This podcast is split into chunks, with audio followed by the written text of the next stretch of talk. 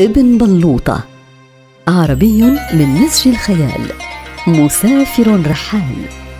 جال أقطار العربان. يجمع قصص تلك البلدان. يجلس في المقهى ويمضي وقته يروي للساهرين حوله قصة من أقاصيصه. فمن عرف من السامعين المعاني المخبأة بين سطورها نال منه هدية قيمة.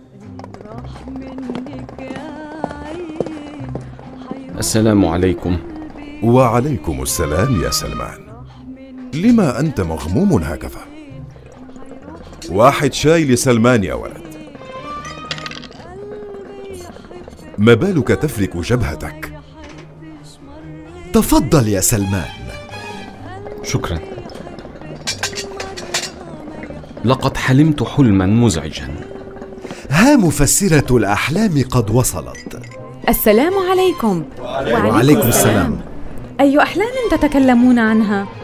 لقد حلمت بالأمس بجنازتي وبما أنه ليس لي أبناء ما بقي أحد ليهتم بالبستان من بعدي وهذا يؤلمني. سوف يهتم أصهرتك به لا تيأس. ليسوا على قدر المقام فلا علم لهم بالزراعة. إذا ما عليك سوى أن تنجب صبيا اسمعوا يا أصدقائي. يحكى أن رجلا ما كان له أبناء صبية وكان له بنات تزوجن من أصهر ما أحبوه. فكان يأسف ليوم مماته كما سلمان ويتحسر يائسا.